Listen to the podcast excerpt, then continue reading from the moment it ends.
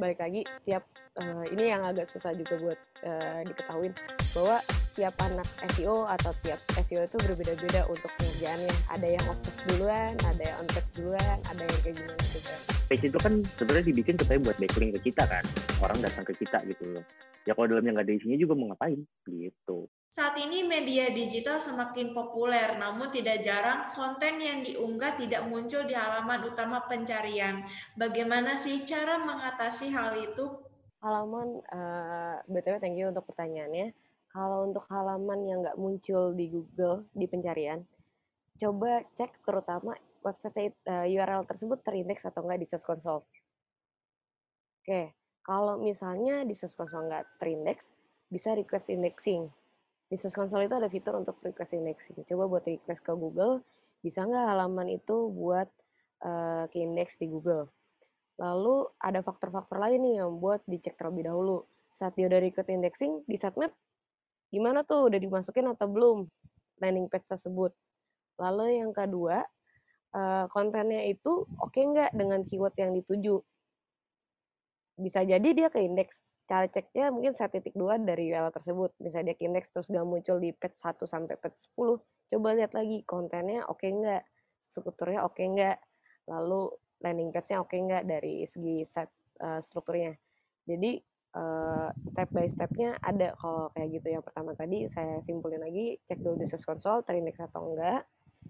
Perhatikan juga di Search Console ada informasi set itu uh, masuk apa enggak yang kedua dari struktur kontennya dan keyword research yang masuk di dalam landing page tersebut. Yang ketiga, cek melalui Google set titik dua URL tersebut. Kalau misalnya ke indeks, berarti ada faktor lain yang harus Anda cek ulang. Kayak auditnya, lalu ada kontennya juga. Apa saja sih keuntungan dari penerapan teknik SEO dari yang Kadirga rasakan? Buat aku ya, kalau buat aku, SEO itu kan sebenarnya marketing jangka panjang. Jadi enaknya adalah kita ngelakuin sekali, maksudnya kita ngelakuin nih si SEO mungkin kayak sekarang nih kita lakuin gitu. Uh, tapi enaknya kita lakuin sekali, kita bisa ngerasain terus nih sampai ke masa depan. Beda halnya kayak kita ngelakuin uh, eh, SEM misalkan atau kita pakai social media ads itu berbeda. Kalau social media ads ya mungkin hasilnya langsung kita rasakan pasang sekarang besok ada rasanya gitu. Tapi ya cuma sebatas kita pasang ads itu aja seminggu dua minggu selesai. Tapi kalau SEO nih, selama websitenya masih berdiri dan keywordnya tidak dikalahkan sama siapa pun, ya orang nyari, misalkan nyari di Google, nyari di Instagram, nyari di Facebook, ya akan ketemu lagi si artikel itu. Ketemu lagi si website itu, gitu sebenarnya. Itu kalau dari aku ya, kalau dari aku. Pasti lebih murah sih ya, lebih murah, karena cuma kita cuma modal otak aja sih. Sebenarnya, kalau menggunakan SEO itu lebih modal uh, bagaimana kita memahami aja konsumen itu seperti apa. Contoh misal membuat konten. Ya, kita harus melihat tren, kita harus melihat kebutuhan konten yang mereka butuhkan untuk mendongkrak traffic itu. Nah, dari traffic yang ada kita bisa mendapatkan list dan konversi. Jadi itu salah satu keuntungannya. Mungkin masih banyak lainnya. Uh, contoh misalnya branding, branding misalnya. Uh, saya menganggap jika uh, website di search engine ketika kita mengetikkan sebuah keyword itu sebuah seperti pasar yang paling atas itu paling kelihatan. Maka dari itu tingkat klik yang paling atas biasanya paling tinggi.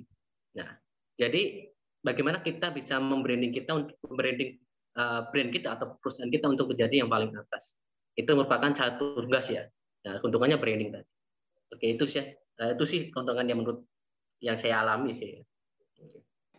Uh, kalau keuntungan SEO itu uh, balik lagi SEO itu long term, jadi kayak investasi jangka panjang efeknya nggak sekarang tapi ke depannya jadi kalau mau pakai SEO menggunakan SEO uh, eh, untuk short term itu saya bilang agak susah.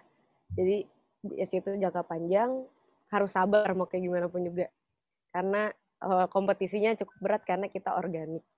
Itu sih Menurut Kadio, bagaimanakah penggunaan dan penerapan SEO di masa depan? Mungkin karena tadi aku sempat bilang kan, uh, nanti ke depannya orang bakal lebih banyak penggunaan si voice search, ya kan? Terus kayak mungkin uh, aku juga kemarin sempat lihat di Google, Google itu sekarang udah lagi mau kerja sama juga sama si uh, TikTok, kalau nggak sama TikTok dan sama apa ya satu lagi sama Instagram. Jadi nanti kayak kita bisa langsung lihat video video TikTok itu di Google langsung gitu. Itu aku juga kata apa baru baca-baca juga sih ngelihat. Nah kalau misalkan memang itu kejadian dan beneran gitu ya berarti kita harus belajar SEO penerapan SEO di TikTok gimana?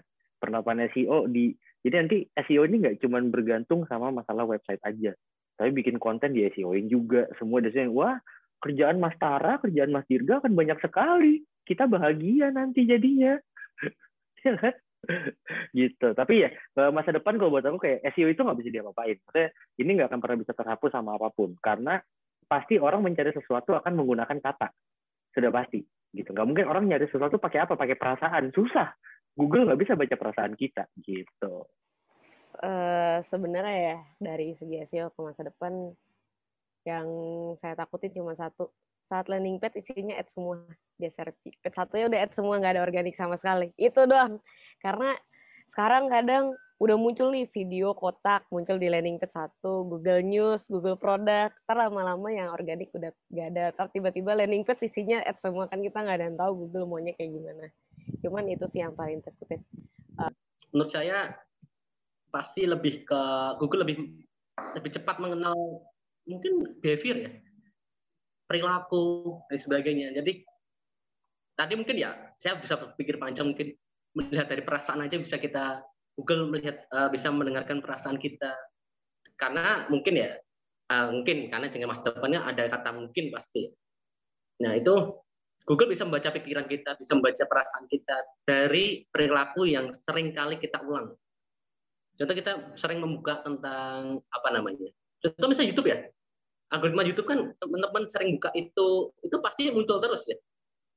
Bisa jadi bisa jadi. Besok tanpa kita search tanpa kita mencari itu udah ada informasi yang muncul ketika kita membuka browser. Ya mungkin ads tadi juga salah satunya sih. Penuh dengan ads iklan dan sebagainya itu juga mungkin perlu karena ya bisnis is bisnis. Google Google kan ya butuh uang ya. Jadi seperti itu Mana sih yang lebih penting on page atau off page CEO? Time technical dulu. Karena kalau saya bilang website itu kayak rumah. Balik lagi, website itu rumah. Karena rum kita bangun rumah. Technical yang ada di website yang ada di website struktur itu, itu adalah semen. Bangin punya rumah tapi nggak ada semen, nggak ada batako. Itu nggak ada jadi apa-apa. Nah kita butuh technical. Lalu pas udah jadi nih technicalnya bangunan rumahnya udah jadi, kita butuh on page on page itu apa? Kayak cat dindingnya lalu interior rumahnya dan lain-lain. Baru yang ketiga adalah page kenapa? Page itu adalah arahan jalan. Ibarat kata orang ngasih tahu nih page ini kalau uh, mau cari jalannya ada di sini ya. Alamatnya ada di website ini. Jadi strukturnya adalah kalau saya bangun rumah dan itu jadikan website yang utama adalah technical dulu kita cek lalu on page lalu off page karena kalau ditanya on page apa off page duluan itu kayak ayam telur, ayam telur, ayam telur mana yang duluan. Jadi kalau saya dibagi tiga step itu dulu. Tapi uh, balik lagi tiap uh, ini yang agak susah juga buat uh, diketahuin bahwa tiap anak SEO atau tiap SEO itu berbeda-beda untuk pengerjaannya. Ada yang off page duluan, ada yang on page duluan, ada yang kayak gimana duluan. Kayak gitu sih. Uh, ya bener sih kata Mas Tara. Technical dulu pasti ya. Ya karena mau kontennya bagus bagus apa pun kalau itu lelet untuk dibuka ya Mbak Cynthia pasti juga bos pasti juga bos untuk menunggu pasti mencari budget lainnya yang cepat gitu. Misalnya struktur datanya nggak tepat uh, loading image-nya itu nggak cepat pasti akan membuat uh, experience dari audiens itu akan susah. Nah itu tadi ya pasti technical dulu baru on page baru off page. Kalau off page itu masih menjadi perbincangan ya. Penting enggak penting enggak ya tergantung tadi sudut pandang teman-teman itu penting apa enggak tapi paling penting ya technical dan on page sih. Oke itu aja sih mbak. Kalau saya cuman karena saya kan anak anak konten ya. Saya anak konten anak sosmed. Tadi kembali lagi saya itu anak sosmed. Uh, kalau saya bikin analoginya gini.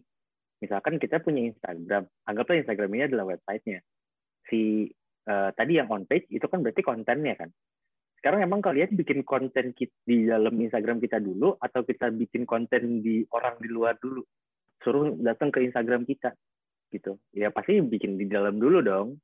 Dalam dulu udah ada kontennya supaya orang kita kan uh, off page itu kan sebenarnya dibikin supaya buat backlink ke kita kan. Orang datang ke kita gitu loh. Ya kalau dalamnya nggak ada isinya juga mau ngapain? Gitu. Tapi beda kalau website kan sebenarnya udah ada konten lainnya selain dari si artikel itu tersebut gitu. Bedanya itu doang paling kalau aku sebenarnya ya, konten on page ya supaya ada kontennya aja gitu di website biar rame. Thank you